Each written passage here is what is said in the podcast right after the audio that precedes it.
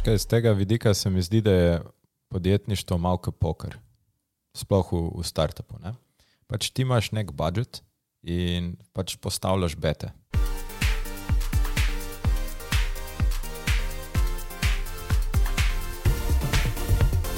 Dobrodošli v podkastu Beyond Leadership, kjer gostimo izjemne posameznike in odkrijemo nove dimenzije vodenja in njihove talente in recepte za uspeh. Z menoj je danes en zelo poseben posameznik in jaz sem zelo vesel, da se mi je pridružil, ker je moj zelo dober prijatelj in oseba, ki, ki jo jaz občudujem, ker ima blazno veliko, velik um, potencial razgledanosti, inteligence, uh, vodenja in tako naprej. Tako da, Luka, lepo pozdravljen. Ja, najlepša hvala, Mar Mark. No, tole je uh, kar laska uvod za začetek. No. Bom malo zardel. Nisva še začela. Um, zdaj, preden greva pogledat vse tvoje dosežke, pa kaj, s čim se zdaj ukvarjaš, pa pogledat tvoje izjemno podjetje, bi te jaz pred našim poslušalcem predstavil. Uh, tako kot sem že rekel, meni je Luka blazno fascinanten, sva zelo dobra prijatelja. In uh, praktično mislim, da ni teme, ki smo jih imeli na kakšnih pogovorih, ki smo v kakšni družbi, kjer nimaš veliko znanja ali pa imaš vsaj malo znanja. Tako da jaz sem zelo, zelo navdušen. Ampak greva, greva pogledati malo tvojo karjerno pot. Eh, svojo kariero si začel kot pravnik pri CMS Law and Tax podjetju, ga vsi poznamo, je predvsej veliko podjetje. Eh, pozneje si ustanovil agencijo za pravno in poslovno svetovanje Lex Lucas Consulting, eh, kjer še danes svetuješ raznim podjetjem, pomagaš pri mergers and acquisitions in tako naprej, term sheetih in, in veliko si upet v startup ekosistem. Zbrano znanje in izkušnje si pretvoril v lastno zagonsko podjetje, ki je razvilo platformo za organizacijsko diagnostiko Quantify in je bilo tudi letos nominirano za Startup leta 2023 in si bil v bistvu med top 5 startupi v Sloveniji, kar je, kar je impresivno. Ampak to še ni vse. Zdaj, uh, Luka, ti si tudi mentor uh, pa raznih teh programih Startup Slovenija in tako naprej. Uh, zelo veliko pomagaš raznim podjetjem, tudi meni včasih svetuješ, pa najnim prijateljem, pa družbi. Uh, tako da moram reči, da si zelo, zelo impresiven. Um, Danes se bo zelo veliko dotaknila tudi uh, Quantify, um, tvojega izjemnega podjetja, kaj počnete. Uh, hkrati me pa tudi zanima mal tvoj biznis pogled, kaj pričakuješ, uh, kako gledaš na določene stvari. Ampak preden začneva, jaz imam zmeraj prvo vprašanje, malo da se ogreva. Če bi bila mi dva sošolca, kakšen si bil v gimnaziji? Wow, uh, mislim, da sem v gimnaziji nažalost uh, bil kar mal dušbeg nisem najbolj ponosen na te čase. Uh, Nekako sem odkrival v tistem času svoj uh, vpliv in šele danes, ko, ko gledam za nazaj, pa lahko malo bolj mogoče z uh, odraslo glavo presojam, kakšne moje akcije. Če bi lahko šel nazaj v preteklost, bi si verjetno pač. Uh, Lepo, kajšno vzgojno, ker si jo zaslužim. In na en način se mi zdi, da 40-letni Luka bi isto naredil za me danes, uh, to, kar, kar smatram kot dobro, ker to pomeni, da se kot ljudje razvijamo. Uh, sem pa bil full vključen v zelo veliko različnih stvari, ogromno zadev me je zanimalo. Um, zelo pogosto sem že takrat prevzemal um, tako recimo neformalno vodenje in organizacijo raznih projektov, od vem, šolskih predstav do tega, da sem takrat uh, zelo aktivno bil v glasbi, vodil, vodil nekak bend. Um, tako da vem, mogoče malo hiperaktivc, pa zelo sem bil v športu tudi takrat. Takrat sem še redno treniral rokomet, tako da sem imel vsaj en trening, včasih dva treninga na dan. In uh, to pomeni, da če bi se mi dva družila, bi debata tekla okoli punc, uh, športa ali pa muske, najverjetneje. The best. Um, jaz sem tudi igral komet, uh, nažalost nisem bil dober, ti vem, da si bil, si bil precej dober. Da mi povej, ali vidiš ti kakšno paralelo med, med športom in biznisom? Ja, definitivno. Mislim, disciplina, ne? Uh, disciplina, odrekanje, pa konsistentnost. Bi rekel, da so tri stvari, ki odlikujejo pač odlične športnike in tudi v biznisu. Ne? Ker imaš una obdobja v biznisu, kjer stvari rastejo in se tako rekoč dogajajo kar malo same od sebe. Uh, ampak imaš pa tudi ta obdobja, kjer je potreben grind, ne, kjer pač vstaneš vsako jutro in pač se spustiš v rudnik in koplješ in upaš, da si prekopal en meter dlje in si malo bližje cilju. Uh, tako da mislim, da v športu je zelo podobno, ne, ker pač isto dosežeš neke platoje in lahko si tudi vem, pol leta, eno leto pač ujet v en cikl, kjer yeah. Ja. imaš feeling, da se nisi premaknil, pa se pa kar odpre. Ampak če ne bi uno leto ali pa pol leta garal, se ne bi odprlo nikoli. Ne. Se, stri, se strinjam, pa sploh eh, timski športi te ponočijo še malo, kako uh, funkcionirati v ekipi, kako uh, se v bistvu asimilirati na kakšen poraz in zmago in tako naprej. Ja, jaz bi rekel, da in timski in uh, individualni oboji so pač super. Timski zaradi sodelovanja z ekipo, pa tudi prevzemanja nekako odgovornosti za ekipo. Tudi, vem, jaz sem pogosto bil kapetan recimo, in pač mm -hmm. imaš mhm. neko to vlogo neformalnega liderja, skrbi za disciplino in tako naprej, ne? kar je full dobro. Na drugi strani pa bi rekel, da so individualni športi tudi super, zato ker se še bolj naučiš, da je vse odvisno od tebe. Ker v ekipnih športih pogosto lahko veš, ekipa stopi skupaj, pa lahko si ti danes 10% manj na volji, pa se to ne bo nujno poznalo, ker ima pa, ne vem, Mateoš danes dober dan, pa bo on dal ne tri gole, ki jih ti nis. Ne? Ampak, eh, ko si pa v individualnem, pa je še toliko bolj, veš, res vidiš, ok, it's either I do it or it doesn't happen. Ja, yeah, yeah, the best. Um, da mi povej, to me zmer fascinira in sicer pri osebah, ki ste multitaskeri. Uh, si mentor, pomagaš raznim startupom, potem imaš svoj konsulting, imaš pa tudi podjetje, ki je res, bom rekel, malo zašejkalo ne samo slovensko, ampak tudi eh, regijsko atmosfero. In me zanima, kako se organiziraš. A se ti pripravaš en dan naprej za naslednji dan, a se v nedeljo narediš plane, kako izgleda tvoj urnik? Ja, v bistvu bi rekel, da kljub temu, da če pogledaš moj dan, zgleda, da multitaskam, v resnici nikoli ne multitaskam. To je po mojem skrivnost do uspeha. Uh, se pravi, pač vsakeč, ko delam eno stvar, jo delam stoprocentno in se potem pomikam na naslednjo. Izjema je pač tam, kjer vidim, da so taki jaz jim rečem mikroteski, stvari, ki jih lahko pač veš, odpisuješ maile pa podobne zadeve. To je edini prostor, kjer ga multitaskam in tega ponavadi tudi imam scheduled. Ne? Tako da imam recimo vem, eno uro, uro pa pol na dan, kjer pač vem, da ne bom zelo zbrano pri stvari, ker je sam pač za odbit vem, 20 mailov ali karkoli. Yeah. Ja. Drugače pa, če gledava z vidika time managementa, kako se lotevam. Um, Načeloma tako, v, v nedeljo si pripravim naslednji teden, uh, primarno se organiziram v koledarju, tam si razporedim pač čas, bukiram nekaj časa za uh, focused work, uh, ostalo so pa pač meeting in tako naprej. Z mano, če, če se hočeš dobiti, skoraj moramo planirati, kot veš, en teden naprej, ker zelo redko se zgodi, da bom pač imel slučajno čas, lih takrat, ko, ko pač kdo drug. Um, drugi del tega je pa spremljanje teskov. V bistvu imam, uh, uporabljal sem kup različnih eh, orodij, od Todoista do. Yeah. Ja. Pač, ampak na koncu sem gotovil, da v bistvu kombinacija Google kalendarja in Remindersov na iPhonu je čist good enough. Ne?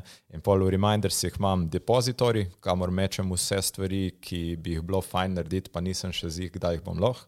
Eh, potem pa, kot sem rekel, nedeljo pač povlečem te teske, si jih malo okvirno razporedim po dnevih, praviloma na vsak dan dam nekje pet teskov Top. in potem si jih pač prenašam iz dneva v dan, če mi jih ni uspelo uh, dati, ali pa če so kakšni res urgent, jih še dodam noter. Ne.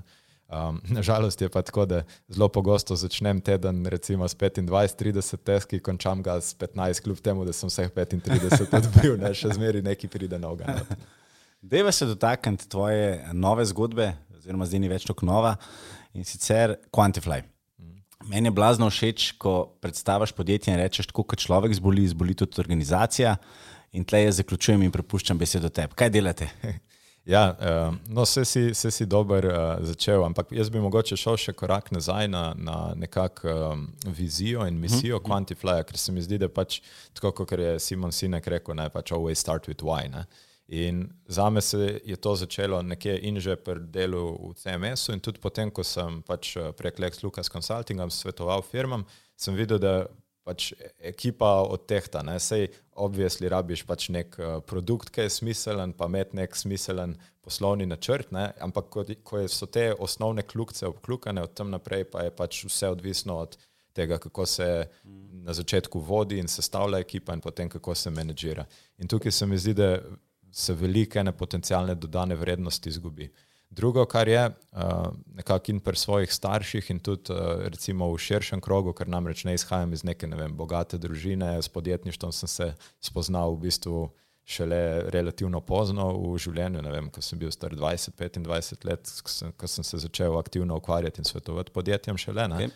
Um, in sem opazil, da veliko uh, ljudi, ki niso podjetniki, ki so pač vem, klasični delavci ali bolj ali manj strokovni ali celo tipičen blue collar job, ne, um, jemljajo službo kot neko nujno zlo za reči.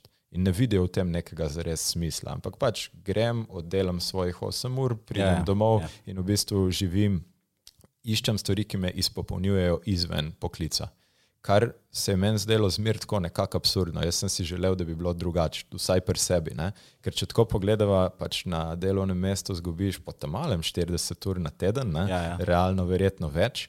In to je full velik del tvojega življenja, ki ti tudi veliko energije vzame. In če, nisi, potem, če nimaš občutka rasti, občutka povezanosti, uh, občutka, da ti daje to nek smisel, se moraš včasih malo vprašati, čigavo življenje pol živiš v resnici. Ne? In to, to, je bil, to je bilo nek drive, ki sem ga imel pač že od samega začetka. Ne? In Quantify je sam neka manifestacija uh, pač teh, recimo, frustracij ali pa opažanj, ki sem jih imel.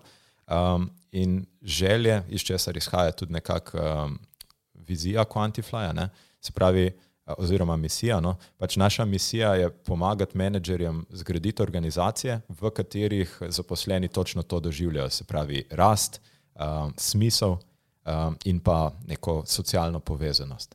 Ker to so pač tri res, verjetno najbolj pomembni driverji pač, uh, od pač ljudi. Ne? Začenš, mislim, tudi sama aktualizacija kot taka. Tako da to bi bila nekakšna uh, vizija, in potem je bilo pa vprašanje, okay, uh, na kakšen način bomo pa to dosegli, um, kako se tega lotiti. In iz tukaj pol prihaja ta ideja organizacijske diagnostike. Ker kar sem mm. skozi čas spoznal, je, da zelo redko ali pa nikoli ne, pač ni, da si nekdo želi slabo za svoje zaposlene, ne, uh, da bi menedžeri bili slabi ljudje. Zelo doskrat tudi, ker vem, imaš groznega šefa, ne, uh, boš rekel, pa sej hoče biti dober človek, sam res se vem, slabo obnaša, ne zna delati z ljudmi. Ne. In sem imel pol to vprašanje, a, a je mogoče manjko informacij ali pa sistematičnega pristopa k temu kriv.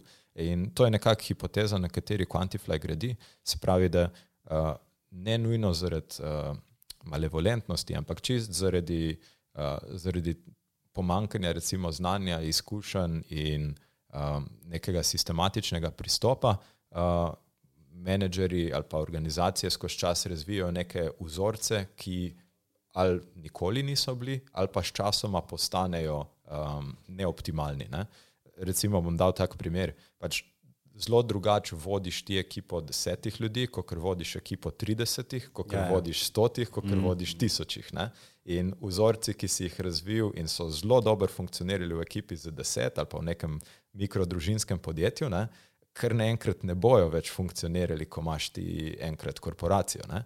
In če, če ti sistematično ne delaš na tem, imaš potem ful velike probleme skozi čas. Je treba konstantno razvijati organizacijo. Iz tega izhaja pač ta ideja, da je organizacija je organizem ali pa ekosistem, če mm. želiš, ne, kjer pač morajo te deli nekako biti v sožitju, če hočeš doseči uspešne rezultate. In Quantify potem gradi na tej abstraktni filozofski ideji, v praksi pa se gre za to, da pač zberemo informacije strani zaposlenih skozi uh, pač sistematičen uh, zajem informacij skozi uh, digitalne vprašalnike. Uh, potem izvedemo diagnostični proces, skozi katerega vidimo, kaj so neke anomalije, ki se pojavljajo od recimo silosov v komunikaciji ali pa oskih grl ali pa nejasne verige odgovornosti ali pa neskladja verige odgovornosti, se pravi, kako dejansko tečejo navodila skozi organizacijo z njeno zamišljeno strukturo, pa do tega, koliko so posamezniki in ekipe obremenjene, kakšne vloge igrajo in tako naprej.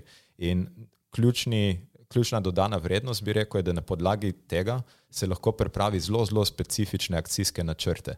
Ker zelo velikrat se organizacije lotijo, bom rekel, tako na tak političen način. Ok, letos bomo pa delali na zauzetosti in bomo naredili vem, več team buildingov.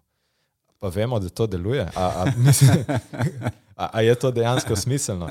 Ne, ker pač zauzetost je nekje na površju, to so valovi, ampak treba je pogledati, kje je pa tok, ne treba je razumeti te uh, bolj globinske zadeve, zaradi katerih pač je ta zauzetost nizka. In včasih mm. na mest več team buildingov bi bilo mogoče bolj sam dva človeka poslati na coaching. Mogoče sta sam dva, dve vodi, ki jih lahko pošleš na enoletni coaching, pa boš isto keša uh, kot, yeah. kot menedžer uložil. Rezultat bo pa 20-30% povečana zauzetost, kar se bo odražalo tudi v poslovnem rezultatu. Podobno. In to, to je nekako namen, personalizirati te stvari. Isto, kar vidim, ful pogosto napako ali pa vsaj jaz jo vidim kot napako, ne, je poslati 12 middle managerjev v isto leadership akademijo.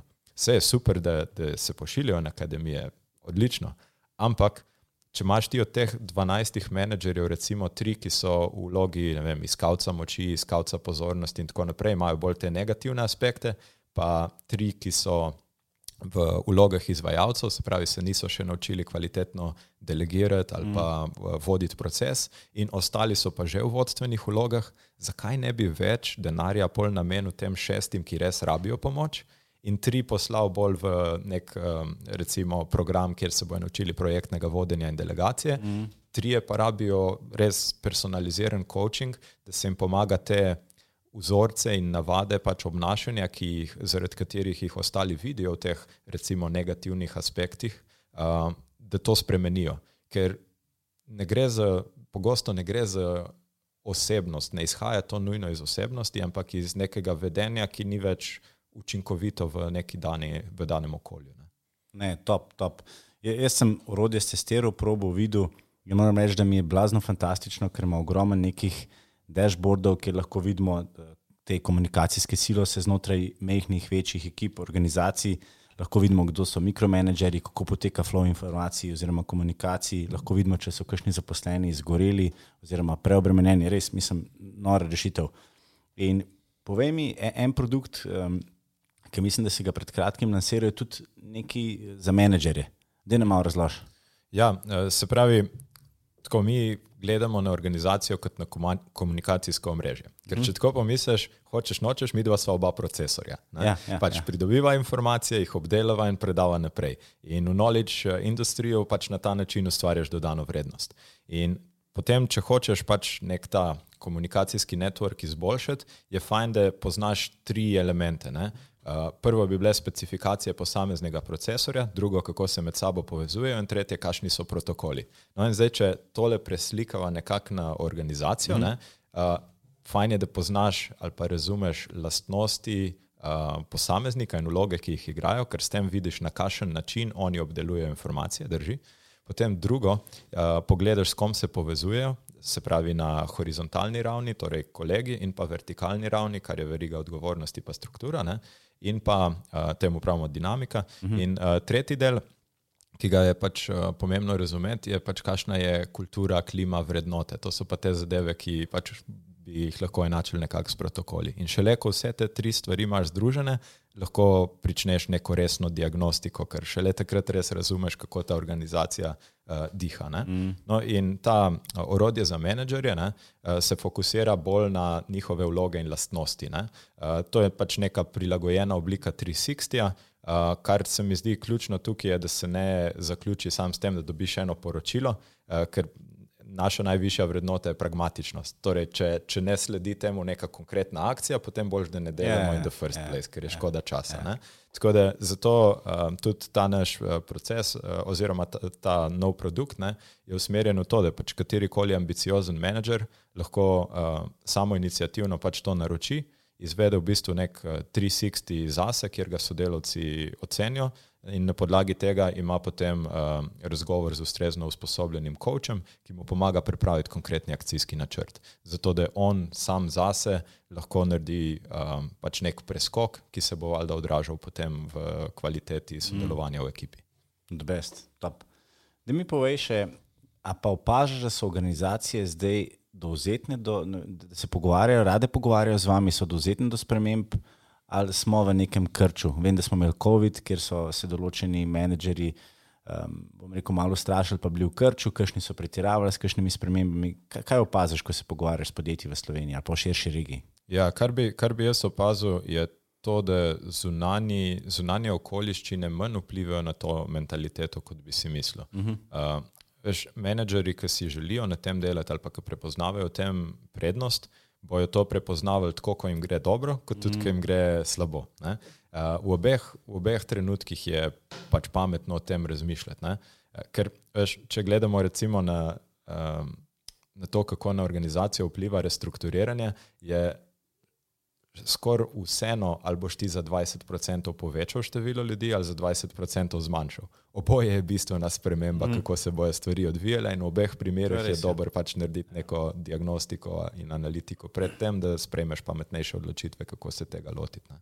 Ampak, da povej mi, zdaj začenjaš podjetniško pot in sicer uh, bil si v raznih konsulting, pa tudi v raznih startupih, že del ekipe in potem odpreš svoje podjetje in kar od enkrat dobiš eno največjih investicij v Sloveniji od gospoda Pečečnika, potem rataš, uh, si, si v bistvu med top 5 startupi v Sloveniji in dobiš ogromno prepoznavnosti, strank imate koliko zdaj, 40-50? Ne, ne, smo že kar blizu 80. No, the best. In povej, kako se počutiš? Recimo, od prvega trenutka, ki rečeš, a če to poštarta, do tega trenutka, ki rečeš, dobro ne gre. Ej, gre nam dobro, odpirajo se vrata, tako malo, malo piše občutke. Wow, uh, škaj, to, je, to je roller coaster. Uh, težko sploh rečem, da je en občutek. V tem trenutku, če sem iskren, sem utrujen, predvsem uh, tudi malo lačen, zato ker danes je moj četrti dan uh, brez hrane, načrtno, uh, vse v redu s tem.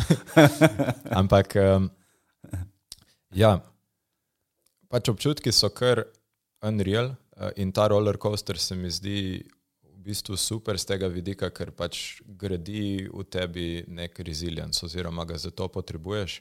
In vem, po, po eni strani, veš, ko sem začel, po prvih recimo šestih mesecih, sem bil kar malo presenečen, tako wow, se to pa kar v bistvu dela, to je ful lažje, kot sem jaz delal.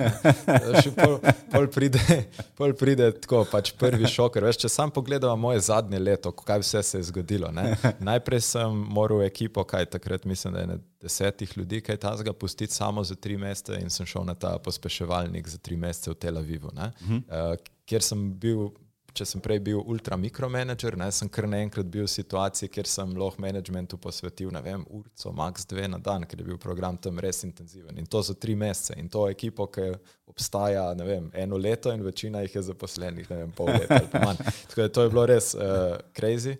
In to, to je bil začetek leta. Ne. Potem pridemo nazaj.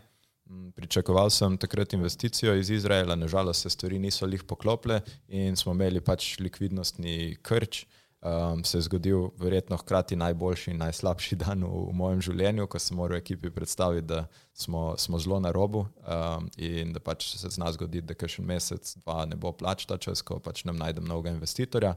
Potem se materializira pač naslednja investicija in, in um, zguramo naprej, ogromno pač vložimo v razvoj, povečamo ekipo na, na takrat, mislim, da je 25 ljudi, ker smo pač velik, velik um, developmenta na novo vzeli, pa tudi prodajo malo pojačali.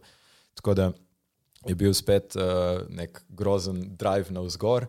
Uh, in potem se spet zgodi uh, november letošnjega leta, ki je bil spet tak krizen moment, ker se je na kapitalskih trgih pač zgodil mhm. -huh. crunch, ki se je tudi nam poznal s tem, da um, je bilo težko ali pa pogoji za naslednjo rundo niso bili ustrezni in smo morali spet stisniti pas. Tako da, če si predstavljaš, ne, yeah, ja, pač, yeah. Ja. to so valovi in Pogosto rečejo, da med startup je, da bi imel dojenčka. Jaz pa ugotavljam, da med startup je, da si ti postal nazaj dojenček, ker se ti pogosto dogaja, da se zbujaš na vsake dve uri in malo jočeš.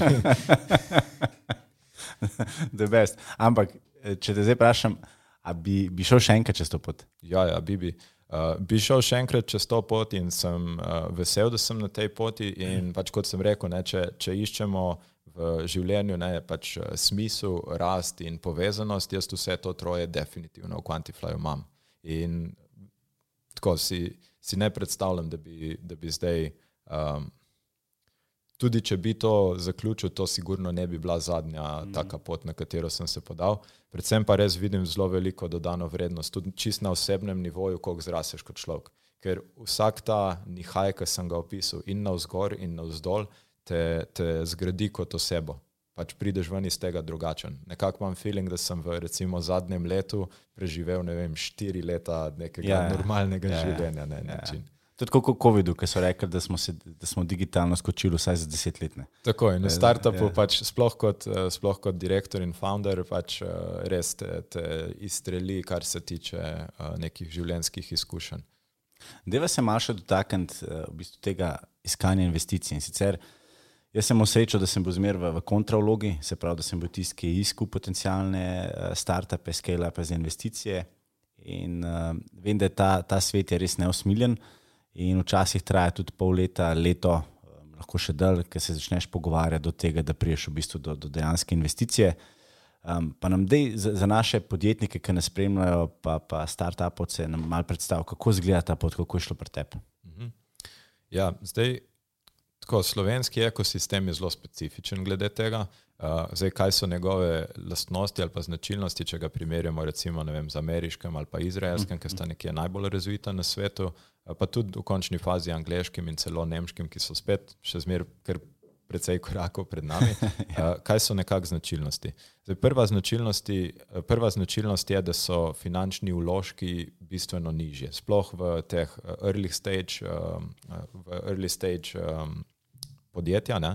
Ker v bistvu imaš ti podjetniško idejo, nimaš pa nujno še produkta, yeah. Ja. še posebej produkt, market fit, ni razdeljen in tako naprej. Tukaj se skoraj da moraš obrniti na, na poslovne angele, to so pač posamezniki, ki nekako vstopijo z majhnimi zneski v podjetje. Uh, kaj je potem tukaj izziv, da imaš kar naenkrat v cap tablu, se pravi v lastništvu, uh, veliko enih ljudi in zna to postati malo Game of Thrones, tako da je treba res biti bit previden pri tem, koga spuščaš noter, kako jim zaupaš, koliko ti bojo oni dejansko pomagali, kako jih menedžiraš. To postane zelo pomemben aspekt. Mm. Potem Uh, vsaj pri nas, ko, ko smo pač malo zrasli, so s tem postopoma pač rasle tudi investicije. Mogoče taka dobra,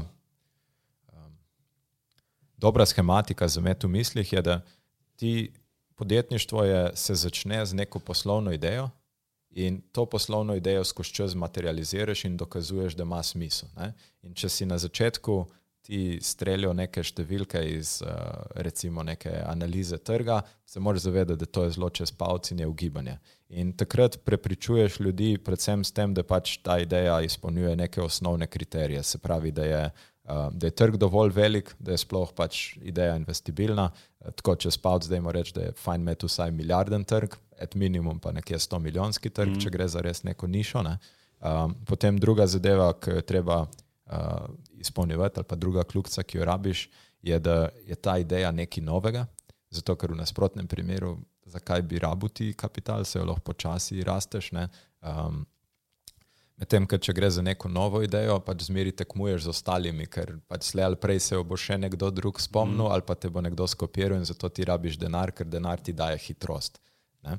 In ta tretja uh, zadeva, ki jo pač moraš imeti v mislih, je, da, da je ta ideja nekako skalabilna. Se pravi, da lahko relativno v kratkem času pač izkoristiš. Ker kar ti denar dena, uh, daje, je sam hitrost.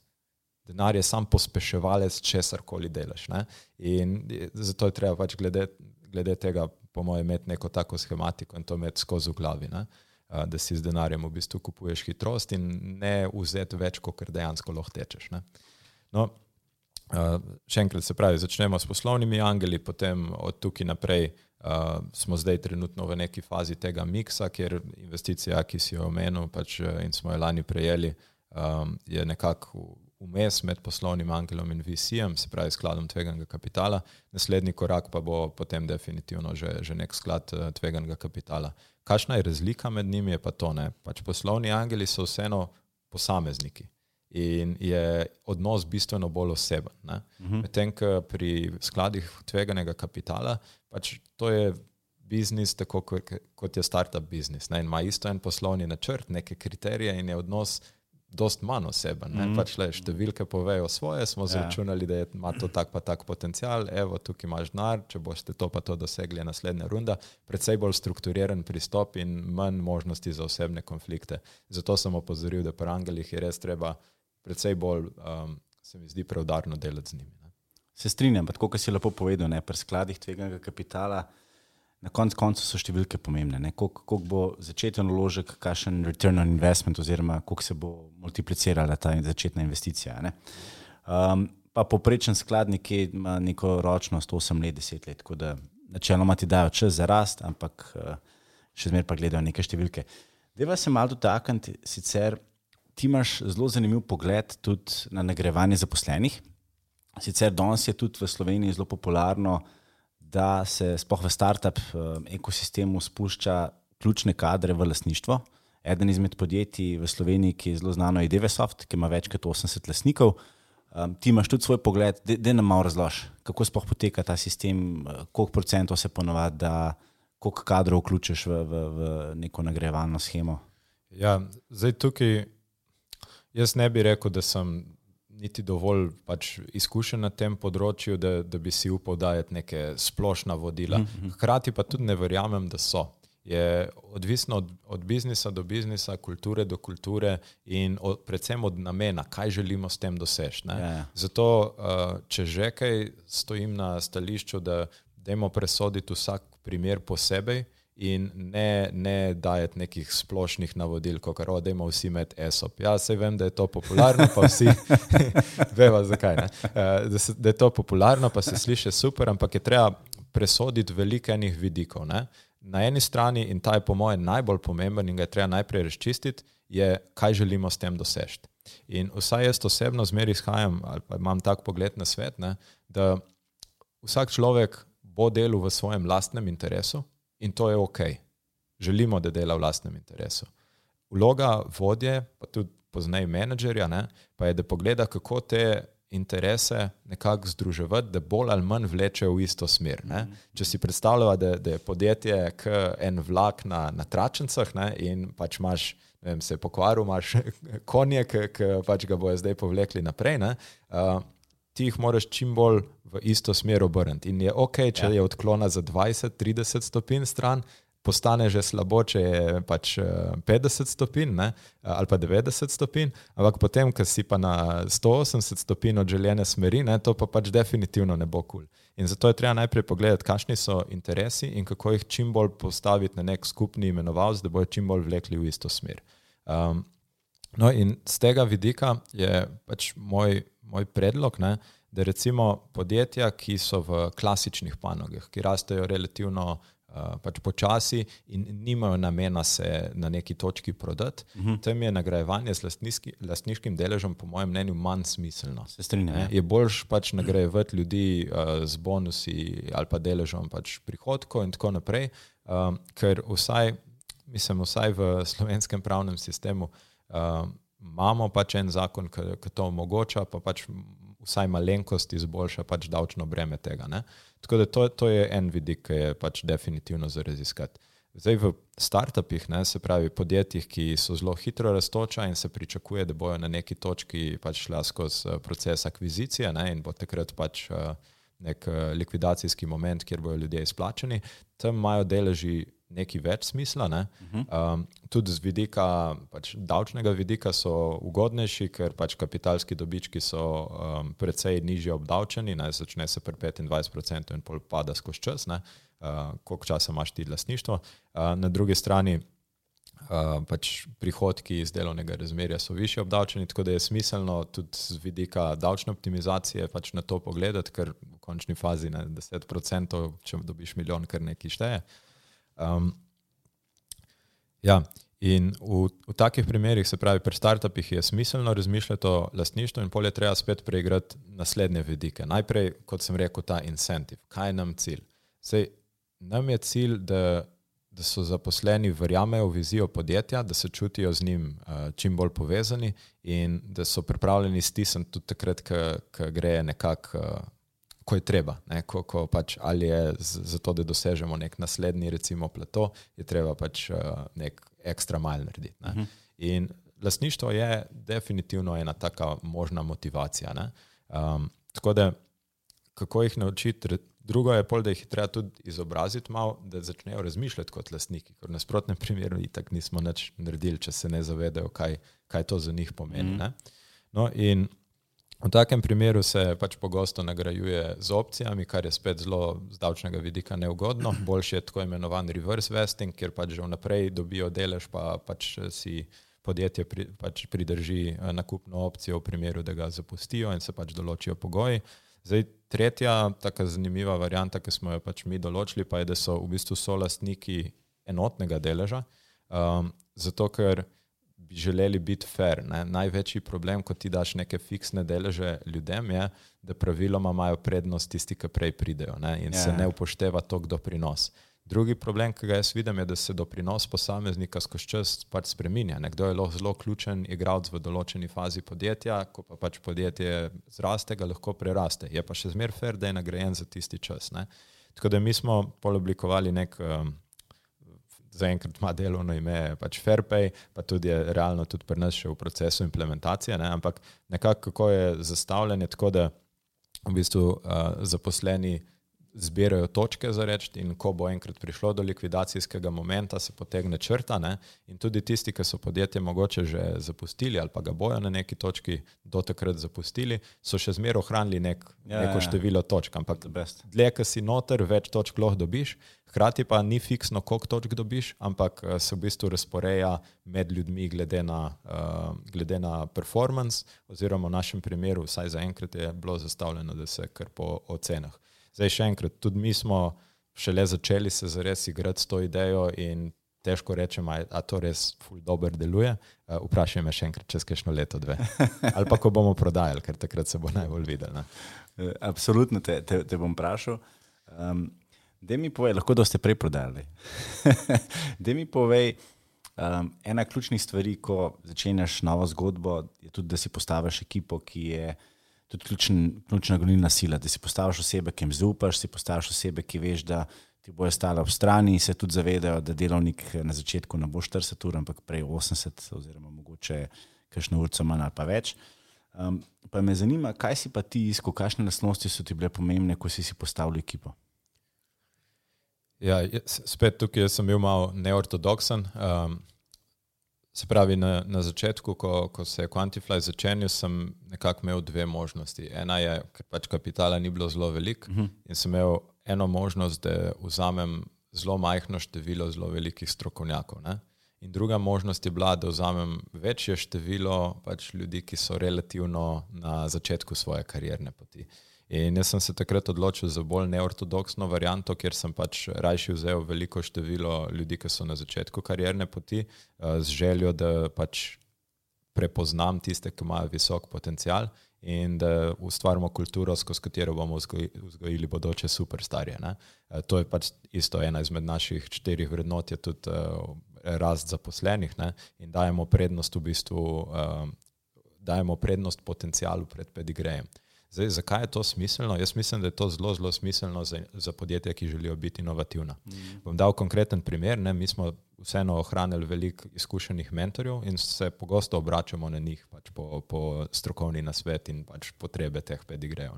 Ampak Ideje, ki smo jih od njih dobili, so večinoma že bile na trgu. Ker če si na trgu 15-20 let, ne pač poznaš, kaj so neke standardne yeah, ja, ja, prakse. Yeah. Ja. In po naravi stvari, če hočeš inovirati, je doskrat boljš poslati nekega novinca in mu reči: hej, pejti na Google Scholar, rabimo nov set pač za definiranje vlog. Ugotovili smo, da po Belbinu so preveč preveč splošne in posledično nepragmatične, se pravi, ne vodijo menedžerja v neko konkretno odločitev. Najdi nekaj, kar bo bolj razdeljeno, bolj pragmatično in predvsem, da bo prepoznalo tudi neke te negativne aspekte. Ne? No, in ko, ko smo to naredili z pač, to ekipo, smo prišli do zelo zanimivih pač, rešitev, konkretno enega članka iz vem, 2018, ki je analiziral za zadnjih 50 let, mislim, da pač teh um, klasifikacij vlog, jih postavil v različne dimenzije. V glavnem pač tako zanimivo, ker ko pošlješ več ljudi, ki nimajo teh. Um, Če nimaš še boksa, pol avtomatično yeah, ja, razmišljaš yeah, out of the box. box yeah. Tako da to, to, ja, to, to je bilo. In zdaj drugo, kaj sem iskal, ljudi, s katerimi si bom želel delati, uh, in ljudi, s katerimi se bomo nekako ujeli v vrednotah. Ampak vsaj na začetku tega nisem iskal skozi nek sistematičen selekcijski proces, ampak smo šli po sistemu centrifuge. Pač ljudje so prišli noter, vsi smo nekako uh, delali vse, vsak si je najdel, v čem je pač dober. Uh, vedeli smo okvirno, pač takrat smo delali še po kanbanu, ne so bili pač neki listki, le vzemi, kar lahko ti narediš, vzemi listek in da ga na dan, kadar boš dan. Ne? In uh, je zahteval zelo veliko mero nekako samo inicijativnosti in tako takega bolj uh, general thinkinga. In, in to je bilo za začetno fazo super. In se mi zdi, da smo na ta način res kvalitetno ekipo na začetku zgradili. Zdaj, bolj ko podjetje raste, ne, zdaj takega prostopa, pristopa verjetno ne bi več na identičen način ubral, ne, ker pač potrebujemo že bolj specializirane skillsete. Kar hočem s tem povedati, je, da tudi tukaj nimam enega recepta, ki bi deloval, ampak je treba res gledati, organizacija se skozi čas razvija in je treba iskati pristope, ki v danem trenutku delujejo. Ne. In uh, recimo v tem trenutku predvsej bolj gledamo posamezno področje, predstavljamo naše podjetje, kakšne so vrednote, ful smo itak tudi interno z zaposlenimi transparentni, vsi vidimo pač v pogledu finančno sliko, vsak teden gremo skupaj čez, čez to, kaj nas čaka, koliko koliko mesecev še zdržimo brez investicij, oziroma kdaj dosežemo profitabilnost, in tako naprej. Ne? In te stvari pol tudi delimo z potencijalnimi kandidati, tako da se res čim bolj zavedajo, kakšna tveganja sprejemajo, kakšen je pač potencijalni splen in tako naprej. Open book. Tako, in, in potem, če se ujamemo, se ujamemo, in če se ne, je to čisto kaj. Ne? Da mi povej še, um, zanima me tvoj pogled in sicer, zmeraj, ko se pogovarjaš, ko začneš kariero, ali pa tudi ne, ko si že na neki karieri, uh, imaš na eni strani korporacijo, ki je varna, na drugi strani startup, ki je hiter, dinamičen, eh, ni tako stabilen. Eh, de, definitivno izkušnje v obeh lahko dobiš, v startupu verjetno malo več. In ko, ko se te pridružiš en nov član ekipe, kakšna je dinamika plača versus eh, nek lasniški delež? Ker vemo, da v startupih gre ponovadi kapital v razvoj, v rast, kot si že prej omenil, in so plače verjetno malo manjše. Ja, sicer To je bilo mogoče čist na začetku, um, ampak zdaj, bi, mislim, v tem trenutku sem, mislim, da človek z najmanjšo plačo v Quantifyju v resnici. Uh, za vse ostale smo pač že skozi čas to povečali, pa pofiksali. Um, tako da bi rekel, da je kar vsaj trenutno je plača primarni faktor, ker dokler ne bomo tega fair pay sistema, ki sem ga omenil, pač res uh, dodelali tako, da bomo res prepričani, da to je to in da bo res zanesljiv. Uh, pač dajemo manjšo pozornost uh, pač temu delu nagrajevanja z deležem. Ne. To velja pač za ta trenutek. Spet vem, da je malo neortodoksno, večina pač startupov že takoj na začetku tala na polno deleže. Meni se zdi fajn, da se te stvari res premisli, uteče in lepo yeah. Ja. počasi postavlja, in tudi, da se postavi sistem, kako na kakšen način jih bomo skozi čas prilagajali. Um, Tako da bi rekel, da trenutno je reč 90-10, če ne 98-2, ampak bo pa verjetno s prihodno investicijo in z naslednjim letom se ta procent že precej bolj eh, prevesil v, v delež. Mm. Kar opažam je, kot sem rekel, da je res šolski sistem tega ne naredi najboljš. Ne, ne, da, ne preda tega znanja o podjetništvu, razumevanja, kaj delež pomeni, kako, pač, eh, kako pride do nekega izplačila in tako naprej. In je o tem treba v bistvu delavce izobraziti, če hočeš, da sploh nekako razumejo, v kaj se spuščajo in kaj to pomeni za njih, ne? ker drugače ne bojo mogli tega kvalitetno ovrednotiti. In drugo, kar je pomembno upoštevati, je, da ljudje po svoji naravi prihodnost uh, diskontiramo. Ne? Se pravi, 10 evrov danes je verjetno več vredno kot 100 evrov čez eno leto, ne? ker pač 10 evrov danes imam z jih tukaj. Uh, in, in je to nek, nekako naravno. In posledično mislim, da moraš ful dispro, disproporcionalno nagraditi človeka z deležem, če hočeš pač tok. Uh, tok njegovega komitmenta, kot če bi bilo splačo. Mm. Drugi faktor, ki ga je pomembno upoštevati, je, da pač plača higien, higienik in je ful pomembna, ampak v resnici ni najbolj pomemben faktor. Uh, sploh pri ljudeh, ki bi rekel, da jih hočeš v takih start-up in inovativnih okoljih. Ne? Tukaj, vsaj pri nas, pač glavni motivacijski faktori so um, zanimivo in navdihujoče delo, um, pa možnost, da si sam razporejam nekak čas, možnost, da da imam kontrolo oziroma avtonomijo pri tem, kar počnem, so bolj take, take stvari pomembne. Ne? V neki veliki korporaciji uh, tudi motivacijski faktori ponovadi postajajo drugačni, ker se, ko bi rekel, tako kot pri nas, ali se ujameš ali se ne, podobno je tudi v korporacijah. Ne? Nek sistem, svojo kulturo v bistvu uh, ima ali pozitivno ali negativno selekcijo takega tipa kadra, kot, uh, kot pač ustreza organizaciji. Da mi povej, um, jaz sem bil del tudi večjih korporacij, uh -huh. kjer je uh, ta feedback oziroma povratna zanka me zanima, ker pač ponovadi je ta klasična metoda sendviča, pohvališ, pa rečeš, da je to mora zboljšati, to ni bilo ok, in pospeh rečeš, ampak dejansko si pa super. pa me zanima, kako je bilo pa pri tebi, se pravi, kot si že prej omenil, je bil roller coaster. Uh, investicije zmanjkalo, potem si dobil veliko investicijo, potem si povečal ekipo, potem zmanjšal. Kako ta feedback poteka, ko si dejansko sediš z ekipo in rečeš, fantje, dekleta, en mesec, dva meseca bomo zdaj le mogli zdržati, bomo mogli stisniti brez plač, potem ne vem, čez pol leta rečeš, zdaj smo dobili veliko investicijo, častim vem, večerjo. ja.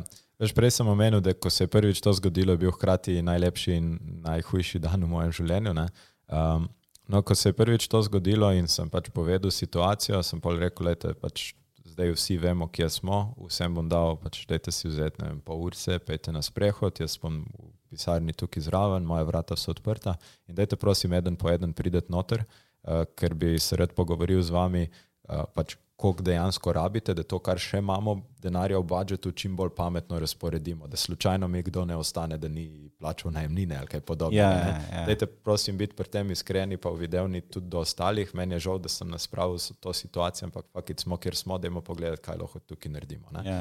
In se spomnim, pride prvi noter, ne bom z imeni, no, Ja. ampak pač pride in mi da 200 evrov.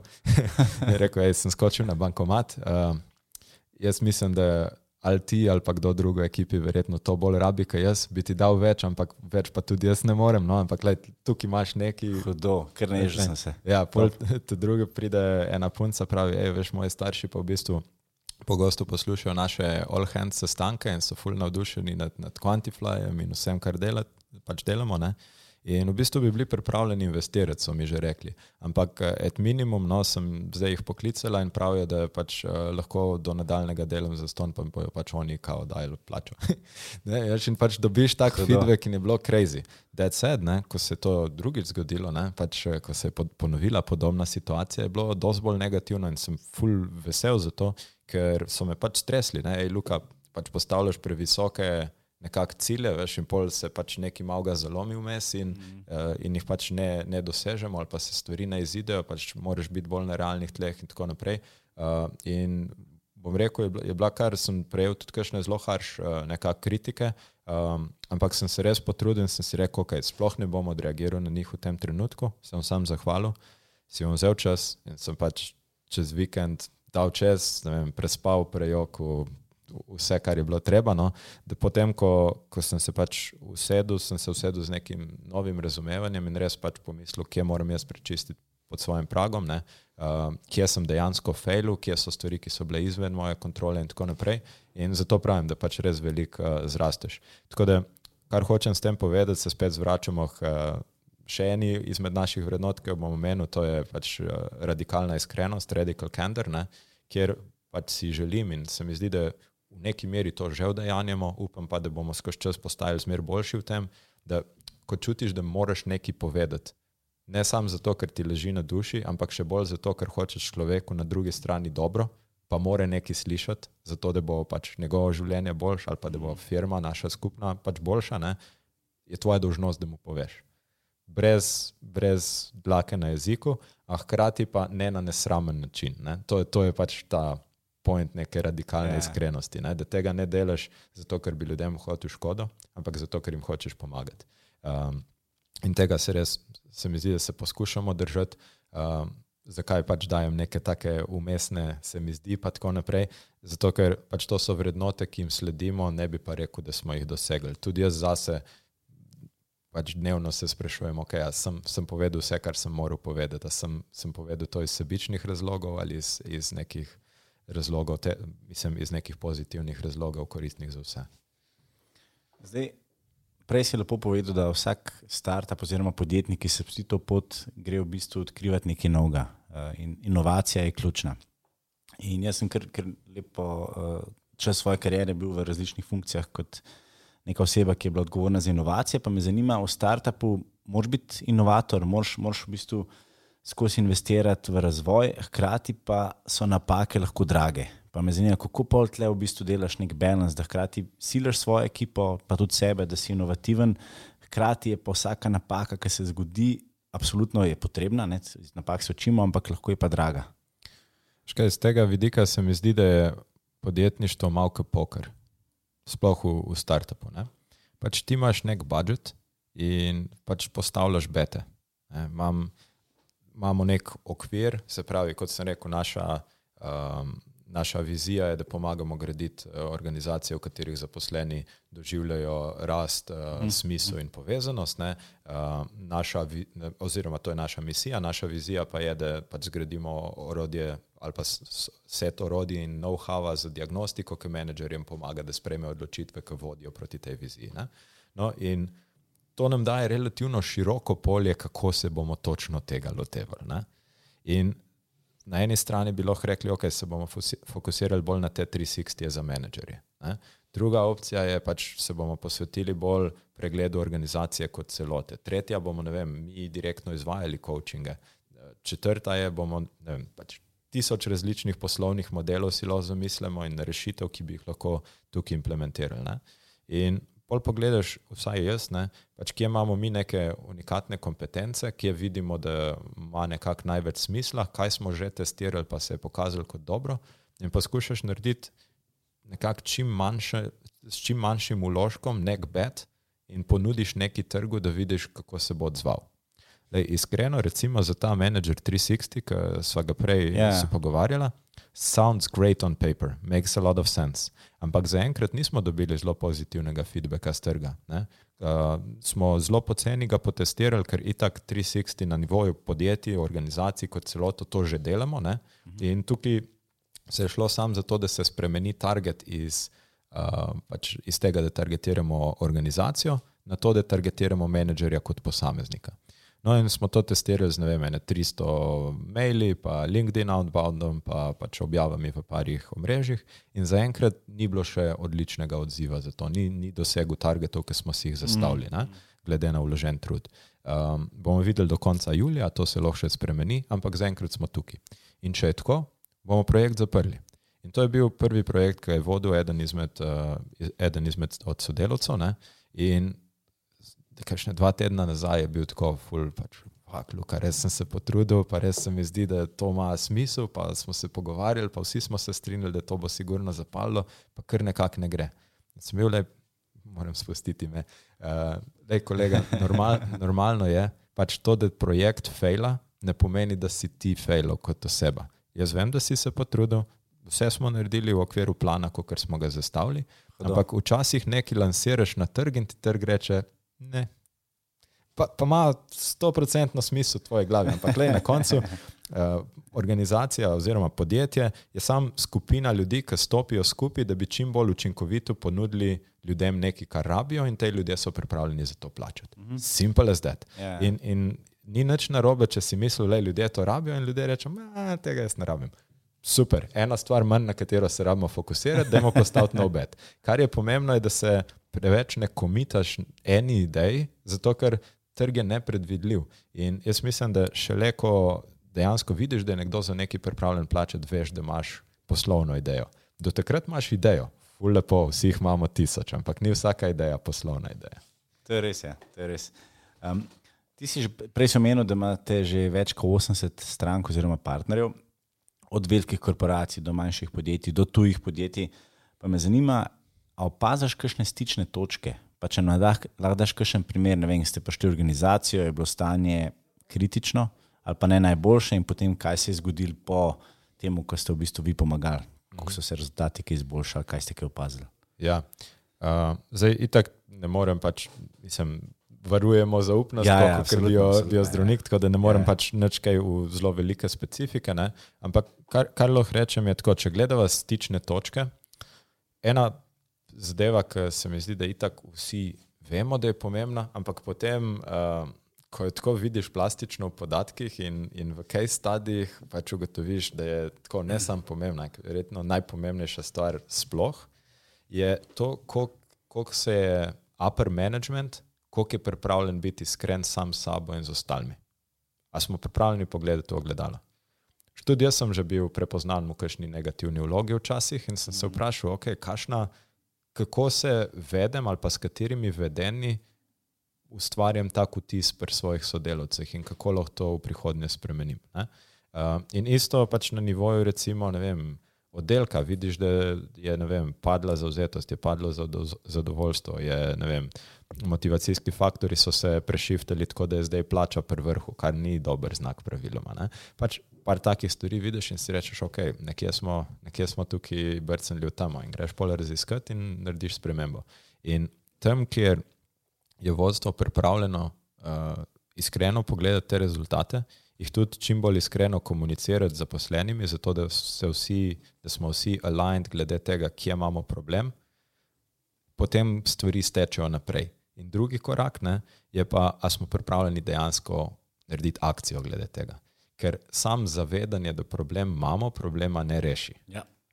Šele ko imamo konkretni akcijski načrt in gremo v implementacijo, se problem začne reševati. Ne? Ampak je pa ključno, da se najprej vsi zavedamo in smo aligned glede tega. To je problem in ga moramo rešiti.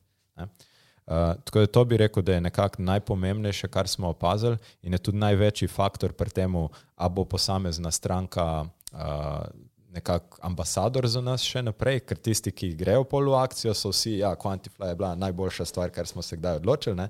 Medtem, ker tisti, ki so pač nekako videli te rezultate, pa so iskali izgovore v smislu, ja, veš, to pa je tako nam matična firma, ne vem, v Nemčiji zveže roke, pa ne moramo, ali pa vem, tržni pogoji so se spremenili, ali pa v naši industriji se pa to ne da, zato ker je vem, gradbeništvo ali karkoli.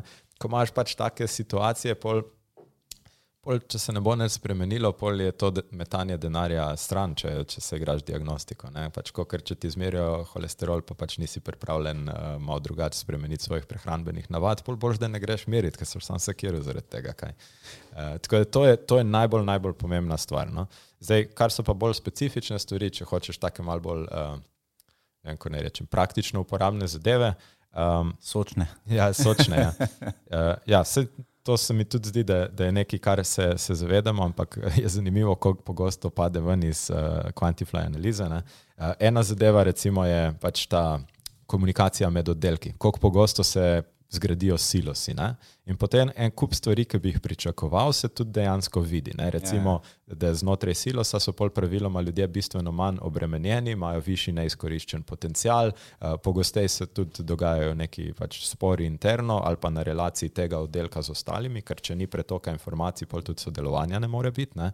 To je prva. Zdaj, um, tipičen primer, pač uh, firme, ki so v, v recimo bolj tem proizvodni, ki vključuje tudi inženiring, se pravi, da sami razvijajo svoje produkte, ne, in pa tehnološka podjetja, bodi si v Deep Techu ali pa vem, softverju in SASu.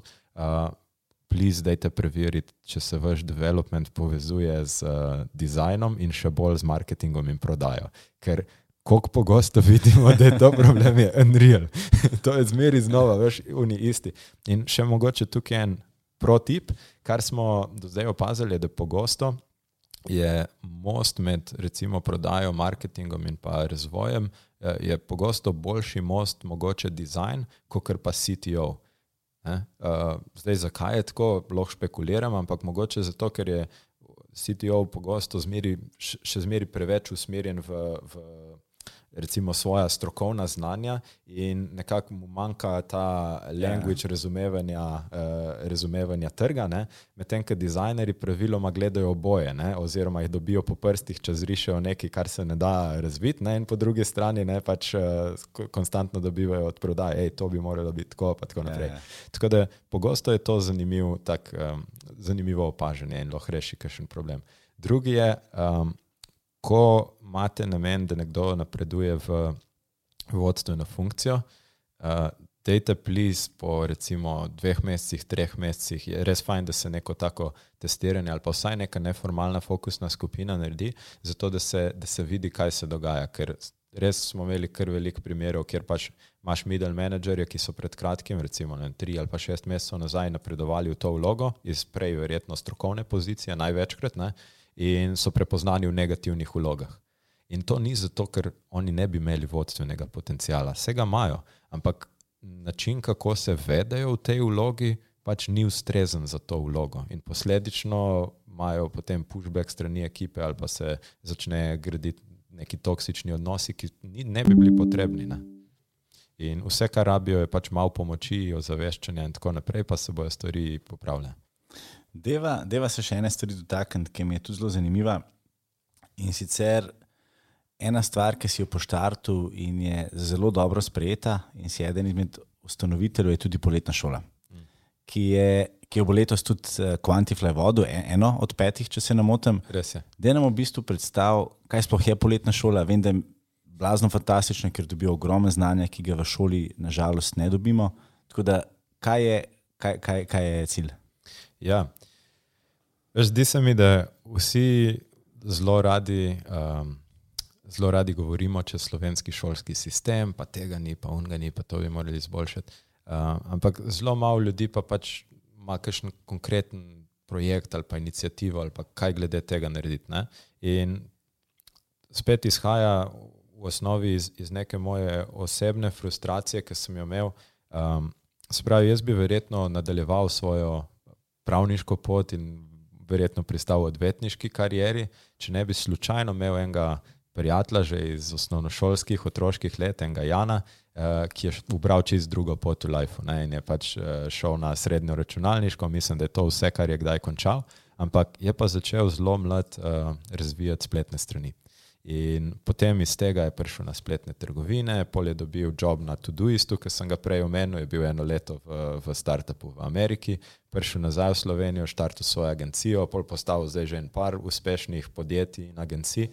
In veš, ker sem ga malo spremljal, ne, mhm. uh, sem videl, pač, kako bolje on nekako pridobil izkušnje, kako drugačen lifestyle ima, kako drugače razmišlja, kot pač moji korpo, lawyer, friendi. Uh, in sem, sem res videl, wow, okay, imam ful srečo, da tega človeka imam, ne, zato ker me je spodbudil, da sem tudi jaz začel tako razmišljati in da sem si sploh upal zaviti v to. Sem si rekel, da dobro, se Jan ni tako drugačen človek kot jaz, se smo skupaj igrali basket od otroških let, vem, da ni supermen. Ne. In sem, sem razmišljal, kako bi lahko to spravil v, pač, do čim več ljudi. In potem je bila znotraj Rotaract kluba Ljubljana 25, pač v okviru Rotary mreže, smo se pogovarjali enkrat, pač, kaj bi lahko naredili, da bi nekako ustvarili čim več impakta ne, uh, s tem, kar imamo. Zato, ker pač ful velik denarja nismo imeli, da bi pač podpirali mi druge organizacije z denarjem, mm -hmm. ampak kaj pa lahko damo. Ne? In jaz sem že skoraj eno leto, se pravi 2019 smo naredili prvi ta projekt, jaz sem se s tem problemom že eno leto skoraj ukvarjal. Ne. Mislim, da je bil delovni naslov pač knjige, ki sem jo takrat nekako sestavljal. Kaj bi me moj oče moral naučiti, pa me ni, ker tudi sam ni znal ali nekaj tasga. Ne.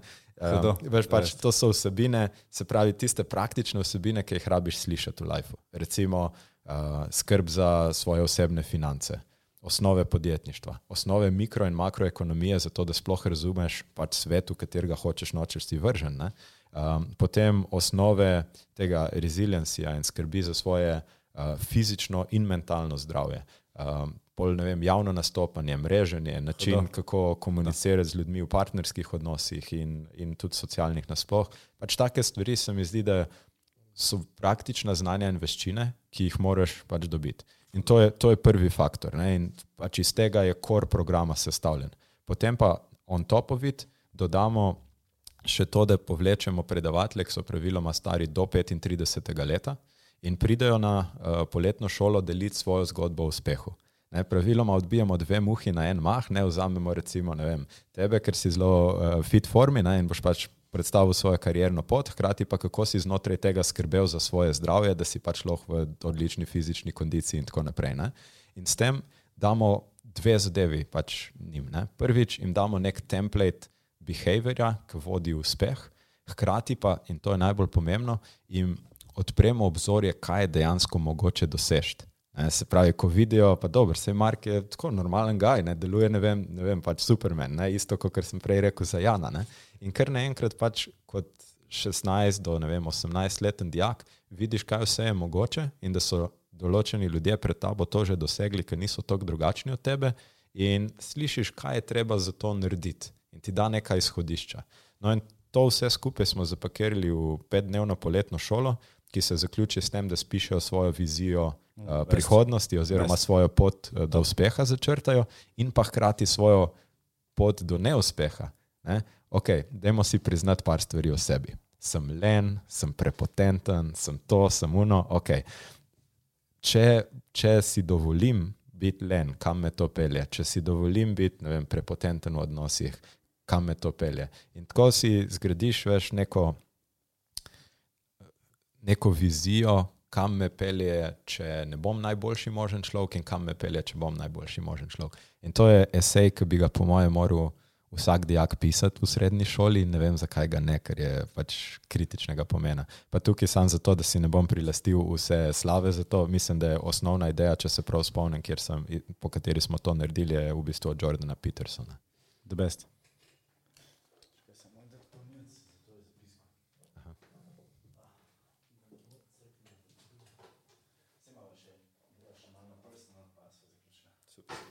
A ti je kul cool drugače?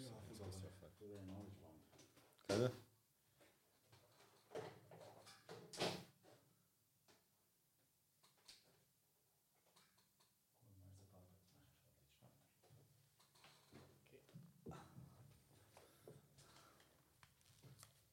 The best. Um, peva še mal um, na mentorstvo. In sicer mene zmer fascinira, kako si postal tako izjemna oseba. Zdaj, en, en, en, ena stvar, ti si tudi mentor pri Združenju Manager, trenutno v enem zelo, zelo zanimivem programu, boš tudi povedal kaj. Ampak bolj me pa zanima, ali si imel ti v življenju kakšnega mentorja, ker res moram reči, da sem imel blazno srečo, da sem imel ogromen dobrih prijateljev, kot ti tudi mentorjev, pa tudi kakšne starejše osebe, ki so mi blazno pomagale, pa mi svetovale. Ja, jaz bi rekel, da sem imel verjetno na tisoče, se sliši sicer veliko, ampak stotine, sigurno, verjetno tudi tisoče mentorjev. Namreč jaz sem zelo veliko bral, uh, še zmeraj zelo veliko berem, zelo veliko uh, enih podcastov poslušam in bi rekel, na en način je vsak od teh ljudi ti je mentor. Mm -hmm. Če tako pomisliš, res je fascinantno. Veš, če si predstavljaš, ko si bil, ne vem, ko, ko so ljudje bili vem, v Grčiji, ne, uh, si skoraj moral iti, uh, če si hotel postati. Um, Aleksandr Veliki, ne, si, ti je moral nekdo zrihtati, da, da te je pač Aristotel učil, da je to edini način. no, in, in danes pa ni več tako, ne, pač danes si lahko tudi ti, Aleksandr Velik, sej pač imaš v knjižnici Aristotela, go sit down and read. Ne, yeah, in se boš yeah. naučil pač od nekoga, od koga se je učil Aleksandr Veliki. Tako da to se mi zdi pač prva, prva taka zadeva. Pač v bistvu imaš teh mentorjev ogromno okolje. Zdaj, druga, itak, da tega človeškega stika in, in personalizacije pač ne moreš krtko nadomestiti. In tukaj pač ja, zelo veliko vlogo igra socialni krok, v katerega se obdaš, da pač iščeš, iščeš ljudi, od katerih se lahko nekaj naučiš. To, da si najbolj pameten v sobi, je full cool, sam ostaneš tam forever na ja, isti ja, stopni, ja, ja, full ja. škoda. Tako da jaz zelo doskrat, to je tako, ker. Uh, se ti zahvaljujem, no, da skozi omenjaš, da sem izjemen. Jaz ne bi rekel, ne, pač v, v moji družbi, vključno s tabo, je ogromen ljudi, pri katerih vidim, pač, uh, bodi si posamezna področja ali pa eno ali pa celo res več stvari, uh, v katerih imam občutek, da se lahko od vas ogromno naučim. In to je, to je pač tak drugi, recimo, aspekt. Tretje pa je to načrtno iskanje mentorjev, kjer kjer vidiš, da ti eno specifično področje mhm. manjka, pa yeah. Ja. pač narediš malo research, kdo je tukaj res dober in mu pišeš. Ful bi bili presenečeni uh, in to tudi na poletni šoli doskrat izpostavimo, koliko ljudi ti odpiše. Zato, ker ko enkrat prideš na neko točko v življenju, uh, kjer pač ne, imaš vse za reči, veš, ne, imaš milijone, dosegel si svoje podjetniške ambicije ali pa celo ne vem, politične ambicije, karkoli. Um, in na tej točki si pogosto želiš to znanje predati naprej. Ja, ta, ta, recimo, bolj doba zrelih let, sploh ne vem, od 50 let naprej, uh, doskrat imaš to potrebo nekako. In da te nekdo kontaktira in reče: hej, prebral sem vem, tvojo knjigo, ful mi je bilo zanimivo to, pa to, pa to, Lej, to, pa to, to so moji problemi. A bi, plis, si lahko vzel eno uro časa, da se mi dva malo o tem pogovoriva, can I pick your brain about it? Dost people Dost ljudi ti bo uh, na to z veseljem odgovorilo. Ja. In pogosto bojo pripravljeni ti dati več kot samo en pogovor, ampak bojo dejansko pač te. Probi to narediti, pa mi javi čez en mesec, kako je šlo, pa bo videla, pa ti pomaga malo potvikati. Tako da, kar pogosto pač tudi, tudi to, uh, recimo, uporabljam, poskušam pa ne izkoriščati. Ne? Vseeno je treba razumeti, da ljudje na drugi strani imajo tudi svoj plan in svoj čas. Ne bi pa zdaj vem, šel poimensko čez, zato ker bi ja. sigurno naštel vsaj deset ljudi, premalo in nočem nobeno narediti neke medvedje, mislim, tako neke zamere. No. Da mi poveš, um, zmerno fascinira in to tudi uh, zmerno vprašam. Stil vodenja. Ko, ko, ko rastemo v karieri in, in tudi osebno, uh, osebnostno, uh, ponovadi vodiš manjše, večje ekipe, in tako naprej, tudi odgovornost se, se veča. Uh, Me zanima, kako se je pa tvoj stil vodenja spremenil. Jaz osebno, ko pogledam sebe, mislim, da um, ko sem začenjal kariero, sem bil tipična uh, oseba, ki je zelo hitro reagirala, pa burno na vsako situacijo. Takoj sem nazaj odgovoril z mailom, kaj pa ti to, pa uno, pa tretje. Tako da v glavnem zdaj sem predvsej bolj meren, pre, pretuhtam, prespim. uh, bolj, bolj se fokusiram na zaposlene. Pa me zanima, kako se je pa tvoj stil vodenja spremenil tekom tvoje kariere, pa tudi zdaj tega izjemnega roller coasterja. Ja, um, tudi danes bi, bi si ne bi niti približno upal trditi, da sem dober vodja, še manj, da sem dober menedžer. Pač to je res nek začetek poti tudi za me.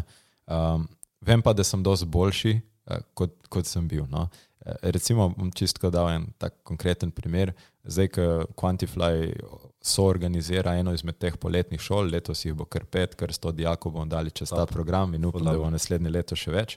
No, ko smo to organizirali, se je pač eh, enemu izmed uh, sestankov pridružil pač eden uh, kolega iz Quantifyja, hkrati so bili pa tam uh, moji rotaraktovski prijatelji, ki se poznamo že um, velik čas, sigurno, sigurno vsaj ene šest, sedem let. Ne. No, in na eni točki se mi zdi, da smo se pač naredili en krog, da se predstavimo, ker pač je bil vsaj on nov za njih. Um, je povedal o sebi in sem rekel, kolega, spet spuščam ime, uh, je preveč skromen. Pač jaz sem ga vzel v Quantify zato, ker sem videl v njemu tak potencial, da kljub temu, da nisem še vedel, kam ga bom dal in kaj bo delo, sem vedel, da ga hočem imeti v ekipi in sem ga zato povabil zraven. Ne?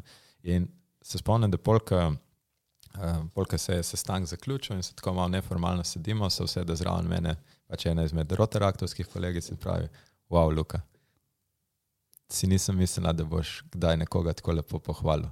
Se vidi, da si se veliko naučil v kvantifikacijo. Zato, ker ko sem recimo prvo leto vodil poletno šolo, se mi zdi, da sem bil tako prav bright zila, verjetno. Pač vem, da, vem, da so imeli kar pošteno poln kufr ne? in um, vem, da sem bil predvsej bolj vem, robotski vodja, bistveno manj um, empatičen. Uh, dosti bolj sem mikromanageral kot danes, imel sem pač veliko takih negativnih uh, tendenc, gotovo. Uh, in, in mi je to tudi ekipa dala vedeti. Na koncu prvo poletno šolo sem verjetno vem, 80% dela naredil jaz. Uh, Zakaj? Zato, ker nisem v redu vodu, ker oni bi mi radi pomagali, samo yeah. če ja. ne spustiš ljudi zraven, ti ne bojo. Ne? In je, se ful vidi ta razlika. Veš, letos slučajno bo pač eno izmed teh poletnih šol pokril Quantify, ker je eden izmed ostalih klubov odpovedal, pa smo rekli, da je škoda bi bilo, da ne bi dali te priložnosti čim več otrokom, pa bo pač za nas to ken team building, ker naredimo nekaj dobrega, ne? je pač win-win. Ampak um, drugače, vse ostale štiri so naredili čist sami. Ne? In tudi jaz na tej točki si več res nočem imeti zaslug. Nekako izhodiščna ideja je bila moja, ampak to, kar se je z njo zgodilo, pa v celoti pripada ekipi, ki to vodi, začenši z Aljošo Killerjem, ki je prevzel vodenje projekta. Tako da sam kapa dol njim, vsa čast. In, in vidiš, da na koncu veš ta moj doprinos in to, da sem se tam raztrgal, je bilo čist nepotrebno. Če bi jaz imel malo več leadership izkušenj in, in skila, ne, uh, bi, bi lahko to precej bolj elegantno in bolj se speljalo in na višji skali. Ne. Tako da zato pač ta. Ne vem, če to odgovarja na to, kakšen je yeah, moj ja, vodstveni yeah. Ja. stil danes, ampak kar lahko rečem, je boljši kot včeraj.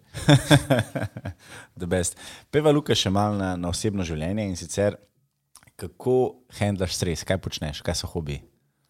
Ja, uh, vidim, da pri meni je pač eno pomembno sidro za moj in psihični in fizični well-being, je športna aktivnost. Zmeri sem bil full športen in tudi zdaj se res trudim, da, da grem recimo vsaj trikrat, štirikrat na teden v gim redno. Um, praviloma je to pač um, ponedeljek, torek, uh, sreda, četrtek uh, spustim zaradi enega drugega sestanka in potem pač še, še v petek. To, to se res pravim držati. In če par tednov zapored tega ni, vem, da več ne handlam svojega lajfa. Ker očitno sem ostajal prepozno po konci, ali je bilo preveč dela, ali pa sem si nabukiral sestanke, tako da so mi segli že v 6-7 ur zjutraj, kar pač ni sustainable long term. Tako da to, to bi rekel, da mi je najbolj pomembno z tega, da me vodi. Druga stvar, glede samega stresa, ki ga je ja, kar velik. Um, ko pride neka taka situacija, kjer čutim, da če ne bi, uh, če ne bi se od nje distanciral, bi vem, lahko končni fazi imel paničen napad ali nekaj. Um, v takih situacijah se pravim spomniti, da je na en način nič ni tako hudo v resnici to je tudi en od razlogov, zakaj sem danes pač že četrti dan lačen, ker se vsake toliko hočem spomniti na to, ne, da, da kaj pa je najhujše, kar se lahko zgodi, kaj bom štiri dni brez hrane, pa se to prostovoljno naredim enkrat na leto. Noro, jaz dve uri nisem jedel, pa sem se stradal. ja, no, ko, če, če boš par dni enkrat brez, boš videl, da, da, da je še huj. A ja, by the way, en disclaimer, uh, nisem zdravnik, niti nikomor ne priporočam tega, preden, če, če hoče kdo probati, naj se najprej po, po, svetuje svojim, kako že zdravnikom ali terapeutom. Yeah, yeah. um, v glavnem, ja. Uh, To, to, ja, to, to je druga taka zadeva. Zdaj, z vidika hobijo, pa zelo sem bil v glasbi, tudi zdaj še včasih pač primem kitaro, pa kaj zapojem, ampak uh, nažalost manj, kot bi si želel, no so bolj take posebne priložnosti. Um, in pa uh, brazilski jiu-jitsu. No, to mi je tudi super, sicer zdaj, če me poslušaš, Nec uh, in ostali uh, kolegi iz BJJ, uh, se upravičujem, obljubim, da pridem kaj več nazaj, ampak iskreno, letošnje leto je bilo tako noro, da sem si kome vzel čas za kakšen trening. No, vsi pa želim eventualno priti do, do črnega pasu v tem, tako da bom s časoma, ko se malo umirijo ostale stvari, tudi to dal uh, na seznam. Pol zadnji tak, ne vem, če bi mu rekel hobi, uh, je pa zadnje čase zelo velik svojega prostega časa posvečam um, socialnemu življenju, predvsem pač uh, z ostalimi moškimi prijatelji. Uh, zakaj? Zato, ker vidim v njih pač ful veliko oporo v resnici v, v teh situacijah, ker večina jih je na tej točki, pač mislim, so čez točko, na kateri sem ali pa se znajdem, tudi sami že šli. In so mi doskrat v neizmerno oporo, in bi, bi verjetno težko čez marsikatero situacijo uh, ki se je sploh v zadnjem letu zgodila, pač fural brez, brez tega, da bi imel njihov podpor. Tako da v zameno pač jim pravim, da čim več časa, kljub temu, da ga nimam veliko. Top. Drugač pa tudi uh, kajtaš? Ja, to je, to je trenutno uh, moj obsession, ampak zato ga nisem uštev, ker pač to ni nek reden hobi, to je ja. bolj uh, pobožna želja, da si vzamem čim prej dopust in grem za en teden kajtati. Ja. Da mi poveš, še, tako kot sem že na začetku začel z vodom, da imaš, um, si blazno razgledan, res ogromno veš o različnih tematikah, kar je meni blazno fascinantno, tako res kapo dol. Veliko bereš, veliko poslušaš podcaste, kje so kakšne knjige ali pa zadnja knjiga ali pa karkoli, ki te je impresionirala. Ba, tako da me je res impresionirala, recimo v letošnjem letu je pač ta Radical Candor. Uh, sem, jo, sem omenil, da je to zdaj tudi ja, ena izmed ja. naših vrednot. Se mi zdi, da že preden sem prebral to knjigo, se mi je to zdelo kot nekaj pomembnega, ampak framework, je tam noter postavljen, je res uporaben za to, da se pač ta prava vprašanja sprašuješ. Tako da tam je bila z vidika leadershipa res, res odlična. Um, potem še ena taka res odlična je Build, mislim, da je avtor Tony Fadel um, na temo verjetno ena od najboljših start-up, podjetniških knjig sploh, ne, ker um, res gre čez različne faze, čez različne um, recimo, potrebe in vloge, ki jih igraš skozi rast podjetja. In vzame pač pot od tega, ko imaš idejo za produkt, vse do tega, ko si vem, naredil IPO čez njegove, njegovo življenjsko zgodbo. Je pa tudi ta zelo zanimiva, zato ker je Uh, pač on je bil, mislim, on je človek za iPhone. Recimo, pač sej, ja, ja. Se, mislim, nisi ga on nujno zamislil, ampak on je bil tisti, ki ga je dejansko sestavil. Ne, uh, ne samo to, po, že predtem je bil v dveh startupih, pa mislim, da je delo, če se prav spomnim, za, za Philips še vmes, pa potem uh, lansiral še en odličen startup, ki ga je na koncu, mislim, da Google kupil. Ne.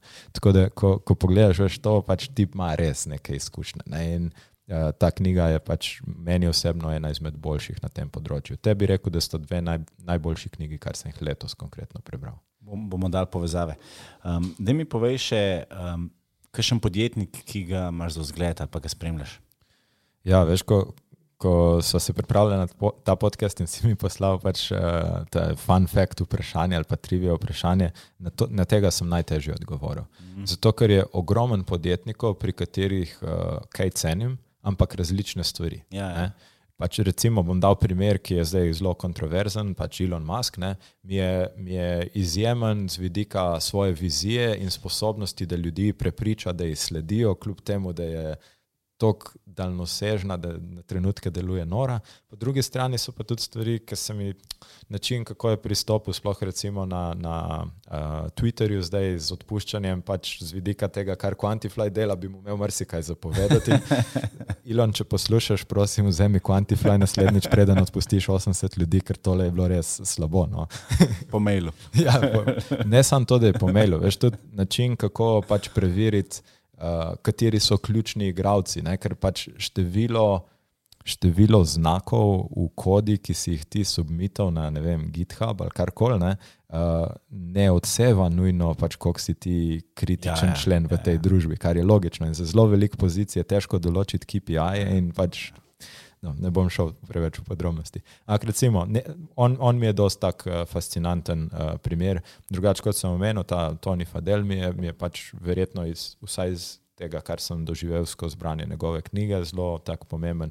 Potem ne bi rekel, da je nujno lih podjetnik uh, in tudi ne bi rekel, da se spet z vsem strinjam, ampak tako zanimiv mi je recimo Joko Willing, uh, Extreme Ownership. To je bila tudi ne letošnja, sicer je že kakšno leto nazaj ali pa dve, kar sem jo prebral, ampak ena izmed takih knjig, ki me je kar dosto zaznamovala, se mi zdi pač res super. In tudi njegov uh, podcast, uh, pač recimo prvih sto epizod je odličnih, od tam naprej ne, nisem več tako navdušen. Ampak prvih sto je liquid gold z vidika leadershipa, vsaj meni je zelo veliko odprlo. No. Full over.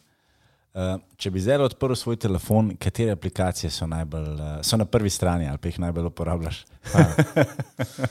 Isto kot pri tebi, isto kot pri tebi, Mark. Uh, ej, največ, največ sigurno uporabljam uh, pač take simple aplikacije, kot je mail, WhatsApp, uh, Google Calendar in tako naprej. Trenutno so te kar v ospredju. No. Um, da mi poveš, ker sem te vprašal za. Uh, če mi daš nek citat, ki ti, v bistvu neki, ki ti pomeni, oziroma ti je, ti je pomemben, si mi dal tega, da idea is worth its weight in gold, until manifested, it's worth nothing. Te mm. deno malo razložiš, full, full huda, uh, full hud kvot. Uh, ja, uh, mislim, tu, nisem prepričan, a sem ga komu ukradil, srčno upam, da ne, ker mislim, mislim da je moj. No?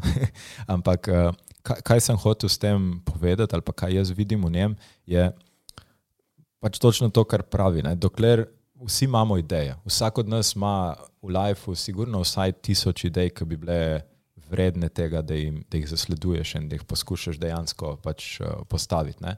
Ampak uh, šele, šele, ko jo uspeš implementirati in ta ideja zaživi in na en način tudi. Živi brez tebe svoje življenje naprej, ne? šele takrat pač dobi svojo vrednost, šele takrat učinkuje. Veš, sedeti ob pivu štiri ure in metati ideje pač ven s vedno bolj pijanimi kolegi, to znamo vsi. To znamo vsi. Ampak kdo je pa tisti, ki bo prvi odložil per in rekel, hej, jaz se moram naspati, ker jutri bom tole štartu.